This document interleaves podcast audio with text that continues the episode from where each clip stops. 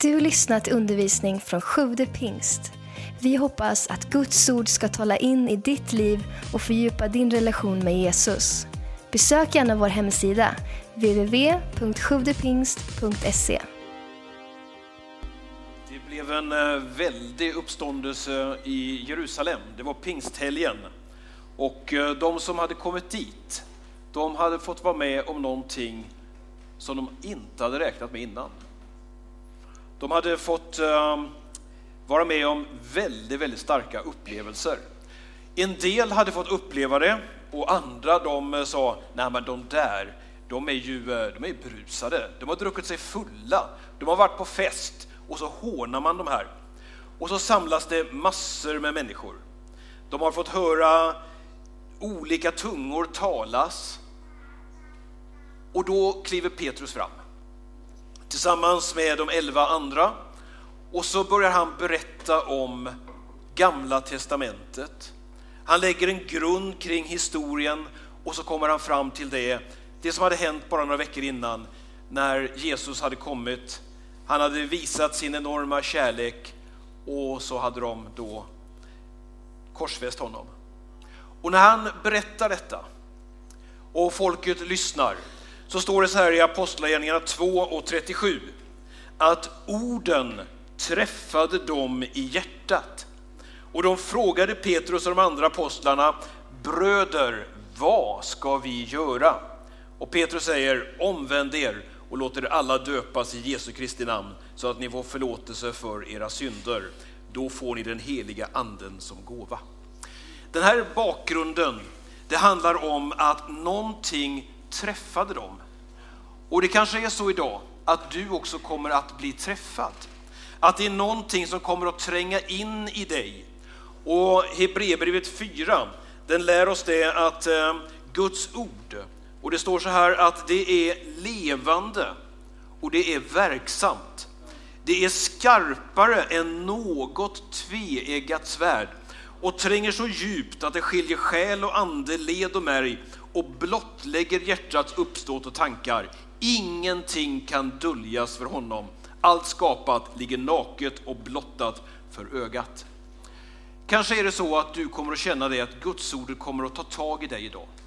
Det kanske är så att du inte lever på det sätt som du innerst inne önskar att leva. Det kanske är så att du har gjort saker som inte var riktigt rätt. Och då har vi den goda nyheten att presentera för dig. Nämligen det att Jesus han älskar dig. Hans kärlek är över ditt liv. Det talas om i Bibeln att det finns en enorm nåd och i klagovisorna så står det där att Herrens nåd, den tar inte slut. Hans barmhärtighet, den upphör aldrig. Varje morgon är det ny, stor är din trofasthet. Jesus säger så här att min frid ger jag er. Han säger känn ingen oro. Och i första Petrus 5 och 7 så står det så här, kasta alla era bekymmer på honom. När vi ska läsa Gudsordet idag så kanske du kommer att bli påmind om saker i ditt liv som hugger till, som träffar dig. Och då ska vi be att den här nåden, friden, kärleken, att det är den som ska få komma över ditt liv. Så att när du går härifrån ska du få känna det, att du är buren utav honom. Ska vi be tillsammans innan vi läser texten för idag. Herre, vi bara tackar dig för att vi får mötas i en gudstjänst tillsammans. Och vi får eh, uppleva det att du är vår far. Du är den som ger oss den här enorma kärleken, den här enorma nåden och din barmhärtighet. Tack Herre, vi får sjunga sånger som lyfter upp dig Herre, som påminner oss om vem du är. Och tack Herre att du är vår far och att vi får vila i dig. Och så ber vi nu att din välsignelse ska vara över ditt ord. Det som är levande, det som är verksamt. Herre, att det får tränga in i oss, ditt ord, ditt välbehag, dina tankar. Och jag bara ber för den som upplever en oro. Herre, att du ska få, dina ord ska få nå fram idag. Känn ingen oro. Att den som inte upplever frid ska få känna frid. Herre, vi bara ber så i Jesu namn. Amen. Vi är ju inne i en serie nu som vi kallar Rustad för livet. Och då ett antal söndagar nu så kommer vi att beröra utifrån Efesiebrevet och idag ska vi lyfta fram särskilt då den 16 versen i det sjätte kapitlet i Efesiebrevet 6. Och det står det så här, och det handlar om Guds vapenrustning och i den delen som nu är så handlar det om trons sköld. Och då står det så här, håll ständigt trons sköld framför er. Med den ska ni få den ondes alla brinnande pilar att slockna. Och så fortsätter han säga om några ytterligare vapen som ni ska höra mer om kommande söndagar. Och så står det här, gör det under åkallad och bön och be i er ande varje stund. Jag ska börja med att berätta lite grann om pilarna innan vi kommer över på trons sköld. Här talas det om att det finns ett antal brinnande pilar. Avsändaren kallas den onde. Och de här pilarna, de, eh, de kommer in på olika sätt i våra liv för att göra en attack, framför allt på vårt egenvärde. Den onde, han vill skjuta pilar in i våra liv. Och de där pilarna de kan vara av väldigt många olika slag. Men det är någonting som eh, hugger till, som tar tag. Och den ondes brinnande pilar, de har bara negativa avsikter. Det kan vara ord som har uttalats över ditt liv. Det kanske är så att eh, det är ord för länge sedan, men de där de, de kan emellanåt komma tillbaka därför att de har liksom skjutits in i ditt liv och de ligger där, de, de bränner, de gnager inom. Det kan vara någon som ehm, sa så här kanske i skolan när du var liten. Det var sånglektion och så säger en oförståndig lärare, ja men du är hopplös, du kan inte sjunga. Det kanske tog tre sekunder att säga det där. Men det är någonting som man har med sig hela livet. Ibland säger man fel och i brist på andra titlar så brukar jag ibland kalla mig för ordbrukare.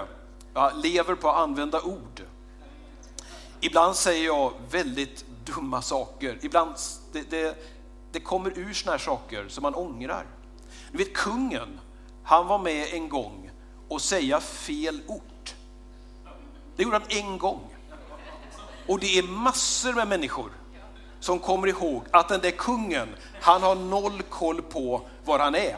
Han gjorde det en enda gång. När man har varit med om sånt där så kan det liksom ligga här och gnaga. Man har sagt saker som liksom trycker ner. Tänk er tonårstjejen som är förälskad. Och så har hon blivit förälskad i den där jättesnygga killen. Och så kommer han fram och så säger han så här, men du, du vill ingenting att ha, sådana där små bröst. En sån, ett sånt ord, några sekunder, kan göra det att en sån person kan dölja sin kropp hela livet. Därför att det har satts de här brinnande pilarna. De har liksom skjutits in och de ligger där. På engelska så heter det här fiery darts. Och det, det är alltså då att det är någonting som, som eh, man kastar in i andra människors liv. Någonting som tränger in och som kan ligga där. Eld som vill bränna och som vill förstöra. Ibland sker sånt här väldigt, väldigt subtilt.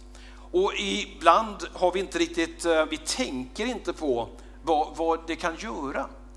Eh, I vår kultur så har vi lite svårt för komplimanger. Men det kan ju vara så här att när man går fram till någon och så säger man så här att nej men du, vilken fin klänning du har. Så menar man så gott och man vill uppmuntra den här personen att verkligen säga det.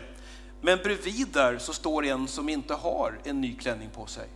Och den här personen kan höra det. Jag har inget värde därför att jag blev inte uppmärksammad alls det var det här.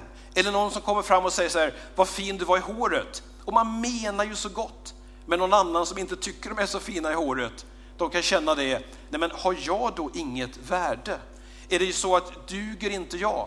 När egentligen vi vill säga till varandra, vad roligt att se dig. Vad glad jag är att få dela gemenskap med dig. Att du finns här, det är egentligen det vi vill säga. Och så kan det ibland landa fel, även om avsikten var alldeles rätt. Och det där kan vara så att till och med i en församling så kan man känna det att om jag inte har någonting nytt att ta på mig, om jag inte kan se ut på det här sättet, eller om jag inte har den bilen eller bor på det sättet, om jag inte har köpt några nya prylar kanske jag inte kan med och bjuda hem någon. Det var en artikel i Dagen för några veckor sedan som handlade om att församlingen borde få vara en fristad. Där vi glömmer bort allt sånt här som är så mänskligt och som inte är något negativt, men som ändå kan vara så att vi förstorar upp det när det inte är vad vi har på oss eller hur vi ser ut eller vad det är, utan det är vårt inre värde och det är det som är en så stor attack på idag. De här orden, de kan ligga och de kan bränna inom oss. När Paulus talar om den ondes alla brinnande pilar, då använder han ett speciellt ord för pil.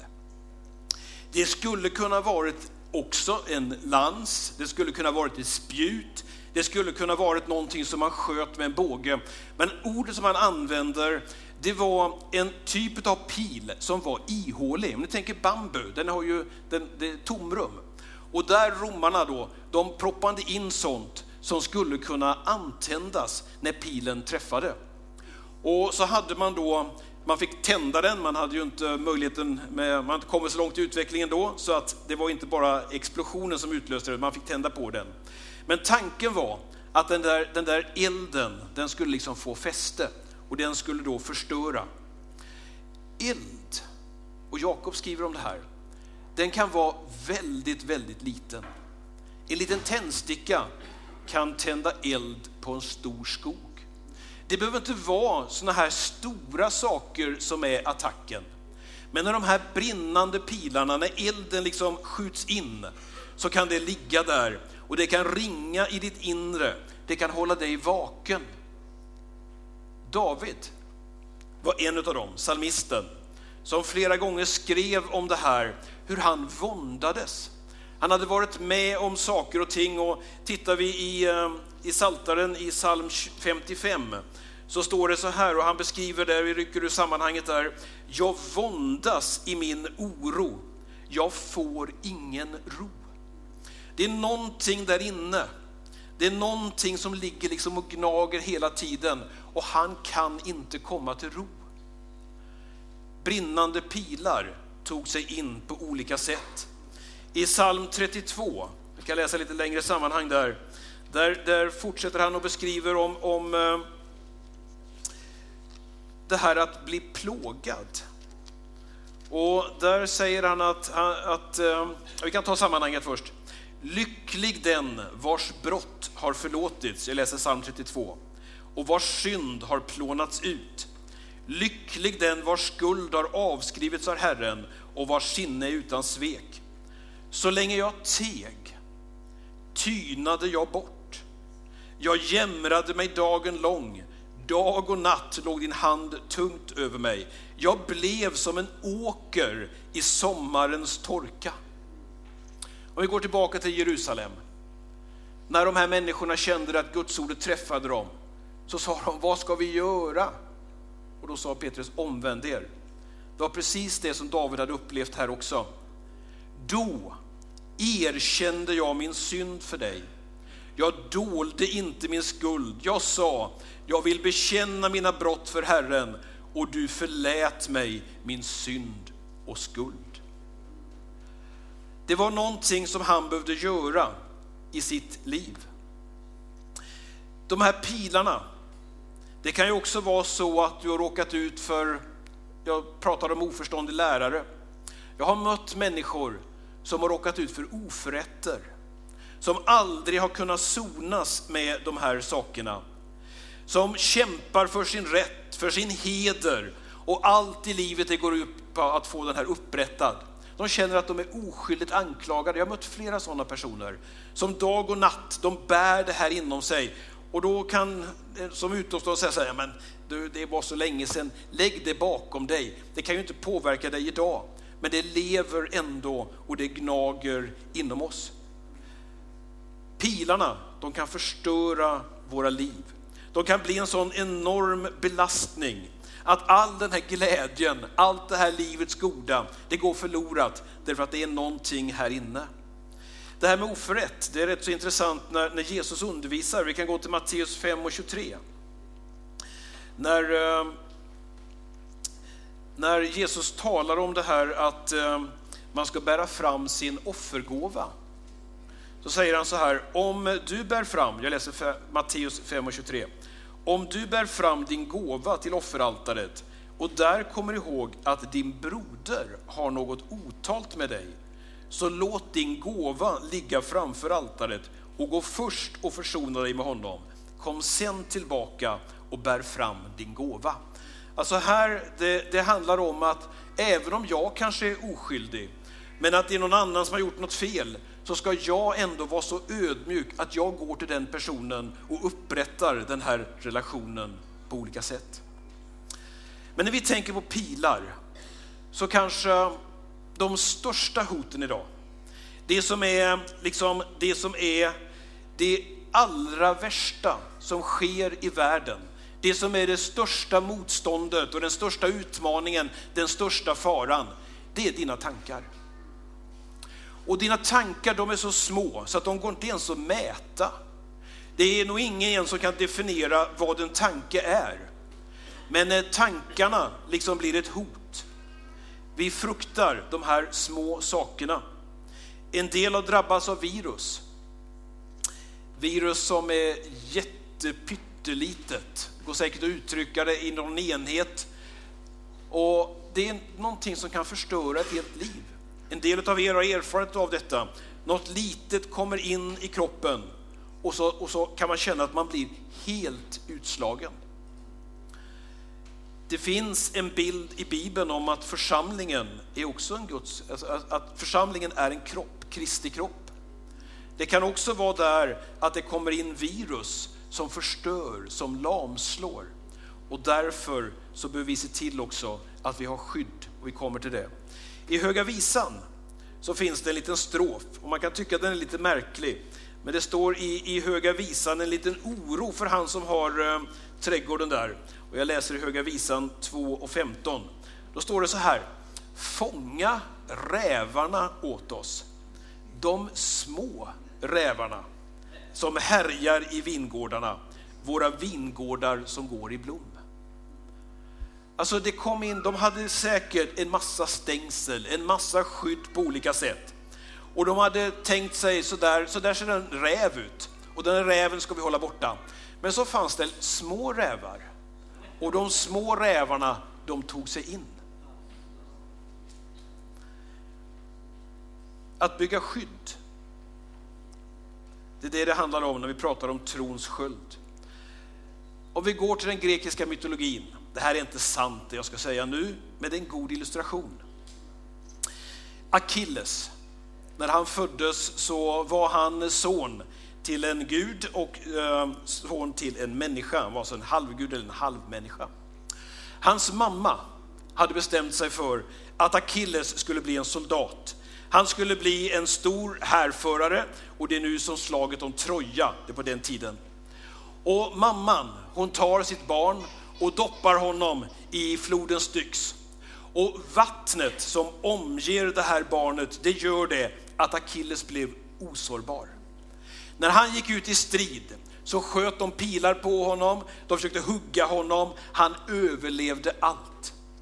Till en dag, när han är i slaget där och Paris står med sin båge och Paris han spänner bågen och skjuter en pil.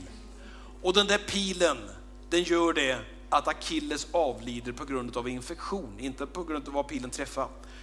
Det är därför som vi idag pratar om akilleshälar. Alltså att det finns någon område i våra liv där vi är väldigt sårbara. När mamman skulle doppa honom i floden så var hon tvungen att ta tag. Hon hade alltså nypt honom i hälen och så doppat ner honom. Och där fingrarna hade hållit det här nypet runt honom, där träffar Paris pil. Och vi talar idag om akilleshälar, nämligen då de områden i våra liv där vi är som mest sårbara. I Efesierbrevet 6, innan eh, Paulus börjar tala om det här med vapenrustningen så beskriver han vad för slags angrepp det är som kommer. Och då står det så här, uppmaningen då, och det är det vi ska undervisa om nu. Ta på er Guds rustning, Efesierbrevet 6 och 11. Ta på er Guds rustning så att ni kan hålla stånd mot djävulens lumska angrepp. De här angreppen som kommer, de är lömska. Och när man tittar på vad Paulus använde för ord när han skulle skriva det där, så använder han ett ord som man skulle kunna översätta till svenska som att de är metodiska. Alltså att det är inte så att de eh, kommer slumpmässigt, utan de kommer metodiskt. Det finns en metod bakom. Det finns en tanke med hur de här angreppen kommer. Och erfarenheterna från många av våra liv, det är det att attackerna kommer där vi är mest sårbara. Där vi har svårast för att hålla emot, det är där som de här lömska angreppen kommer. En del ni gillar att fiska. Då har man ju den metoden att eh, har man en gång varit på ett bra fiskevatten, då vill man gärna återvända dit. Man chansar inte där borta. Och så är det med den ondes alla brinnande pilar, att de skjuter ofta in på samma ställe där vi är som mest sårbara. Det är ju fotbollstider nu. Jag kommer tillbaka med en annan bild om en liten stund här nu.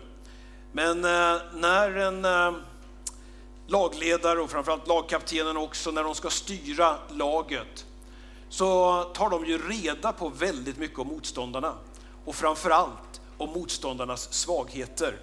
Och vet de det, att den där målvakten, han springer alltid på höger, det är klart de skjuter bollen till vänster. Då kan man ju tänka sig så här, djävulen han måste ju vara bra dum.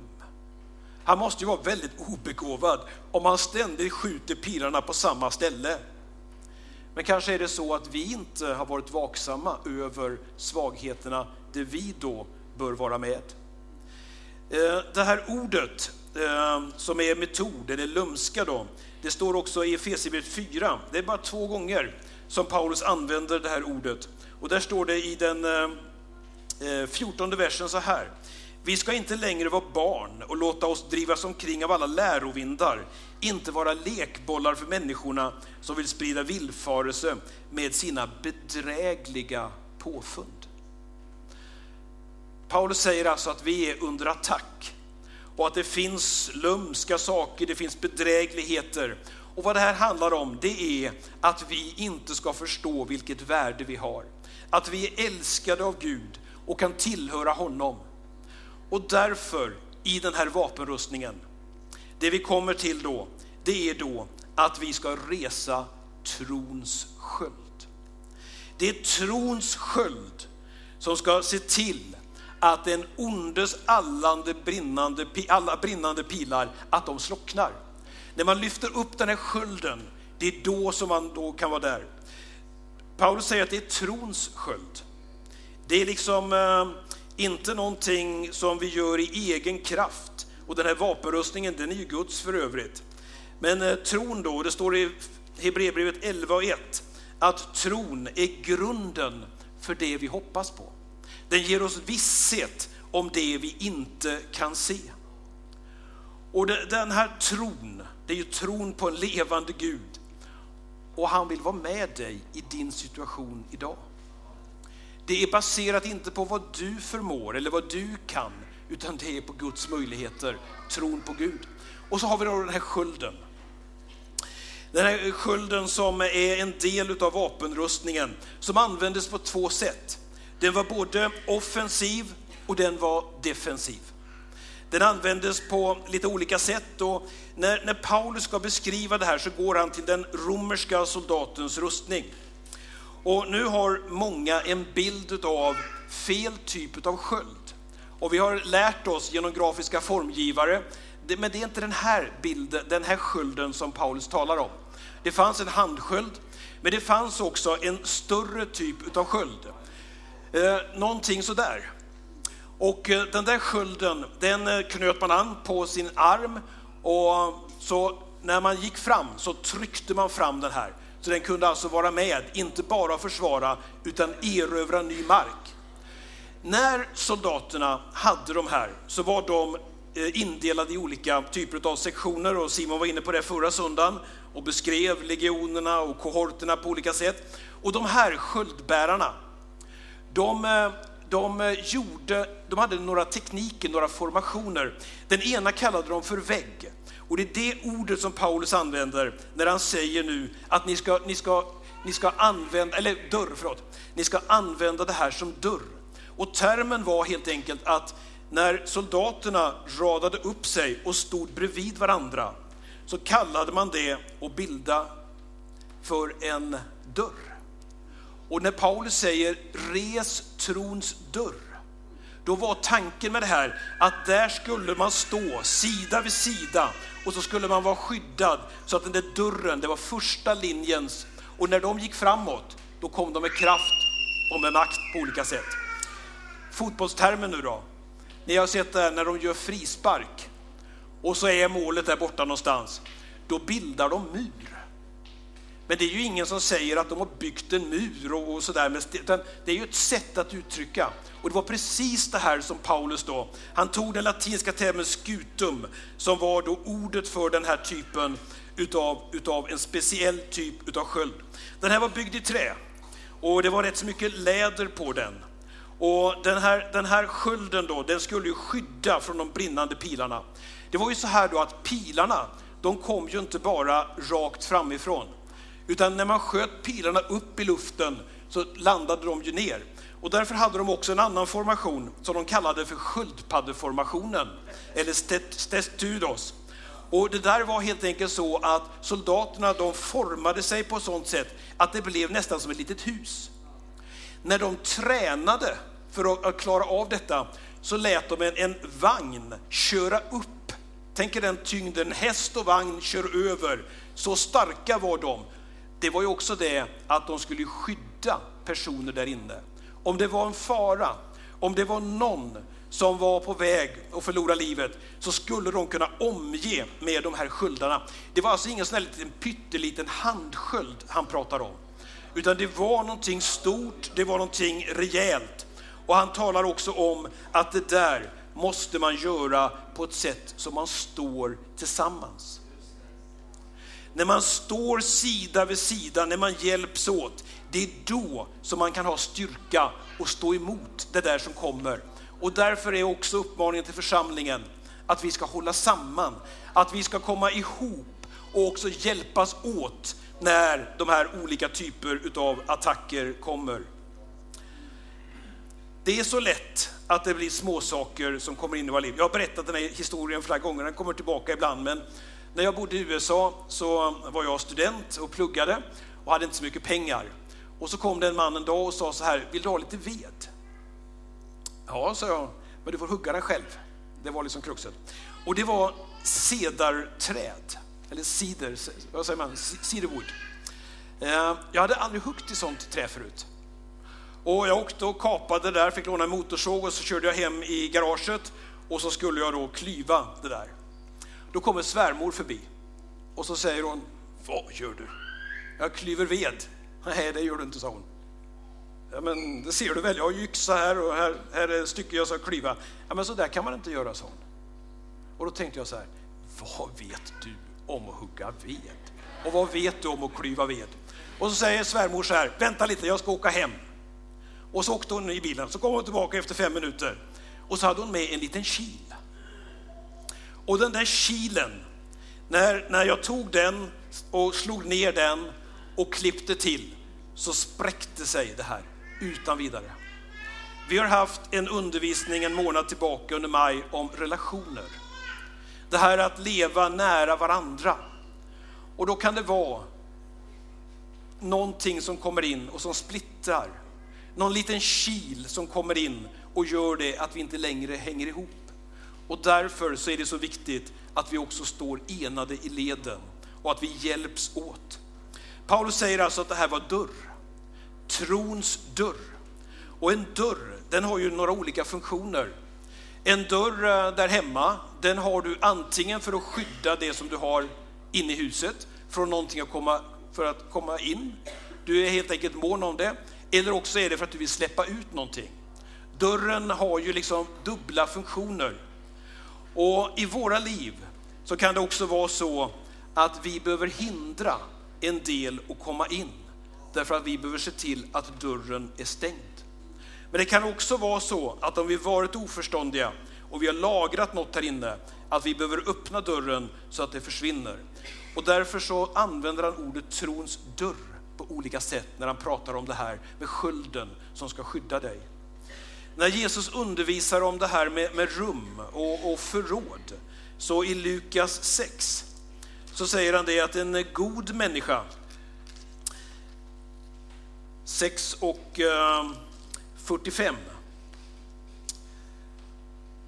En god människa bär fram det som är gott ur sitt hjärtas goda förråd. Och en ond människa bär fram det som är ont ur sitt onda förråd. Hennes mun säger vad hjärtat är fullt av. De här brinnande pilarna som kommer, som är negativa, som är ett hot. När, när vi liksom låter dem fylla oss, när olika saker kommer in i våra liv, så kommer det också ut. Och därför känner du det, vad människor, vad de har här inne. En del människor som man möter, då vill man bara vara med. Man vill bara umgås med dem, därför att de är så välbehagliga, de är så kärleksfulla, de är så utgivande och man, man, man vill liksom bara vara med dem. Men sen har vi de andra, de är taggiga, de är hårda, de är negativa. Och då säger Jesus det att tänk på vad det är som ni släpper in och använd dörren att släppa ut om det nu är så att du släppt in någonting som finns där. Skölden är alltså tänkt som ett skydd som ska kunna hjälpa dig. Det, det ska kunna vara så då att de här pilarna, de ska slockna. Vatten är någonting som man har släckt eld, inte alla typer av eld kan man släcka med, med vatten, men det allra mesta.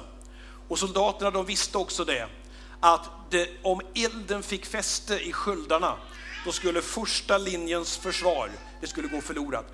Därför gjorde de så att de sänkte ner sina sköldar i vatten och lät vattnet liksom suga upp så mycket som möjligt. Och därför hade de också läder på de här sköldarna, så att de skulle stå dubbelt rustade. Nu hinner vi inte gå in på det idag, men vi tror på dop. Det var ju det som eh, när Jerusalem, han fick frågan, vad ska vi göra? Omvänd er och låt er döpa er.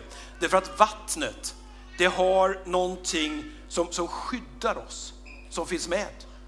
Men Jesus säger också, och vi kan läsa ifrån eh, i Johannes evangeliet där, om eh, när den helige ande kommer över oss, så har han bilden av vatten och han pratar om det att när den heliga ande fyller oss så ska det komma strömmar av levande vatten som kommer ut ur våra liv. Det kallar vi för andedop. Och andedopet det är till, till stora delar för att vattnet ska finnas och rinna ut från mig för att de brinnande pilarna de ska slockna. Det är därför som vi uppmanar i vår församling, i vår rörelse, låt döpa dig. Vi tror inte som eh, Akilles mamma att du blir osårbar, men det ligger någon hemlighet i det där med dopet. Men vi tror på andedopet. Och det här att det får bubbla fram någonting, man får leva i någonting som gör det. Ja, de där pilarna de skjuts, men skölden har jag lyft och de, de studsar liksom av. Och när jag känner mig svag, när jag inte själv kan lyfta min sköld, då har jag ju min kompis som står bredvid som hjälper till. Och det är därför som församlingen, att vi tillsammans vill vara ett värn. Vi vill vara ett fort. Vi vill vara en borg. Ska vi läsa innan vi ber i psalm 91. Där eh, psalmisten använder den här bilden av de som tror på Gud och vad Gud kan göra. Och där säger han att Gud ska vara som ett värn. I psalm 91 den som bor i den högstes skydd och vilar i den väldiges skugga, han säger Herren är min tillflykt och min borg, min Gud som jag förtröstar på. Och så står det lite senare i femte versen. Du behöver inte frukta nattens fasor eller pilen som flyger om dagen. Inte pesten som smyger i dunklet eller farsoten, farsoten som härjar i middagshettan. Din tillflykt i den nionde versen är Herren. Du har gjort den högste till ditt värn. Om du känner idag att det är någonting som har tagit tag i dig. Du kanske känner det att du behöver liksom få ordning på ditt liv. Det är någonting som ligger och gnager. Det har inte varit min, min eh, tanke att du ska gå härifrån och ha en förstärkt negativ känsla. Utan min bön och min önskan det är att du skulle få uppleva det. Att du kan få kasta alla dina bekymmer på honom. För han har omsorg om dig. Att du skulle få den här friden, den här, den här, den här ron som i ditt liv. När du är utsatt för den ondes alla brinnande pilar, de lömska angreppen, så är det trons sköld som du uppmanas att resa.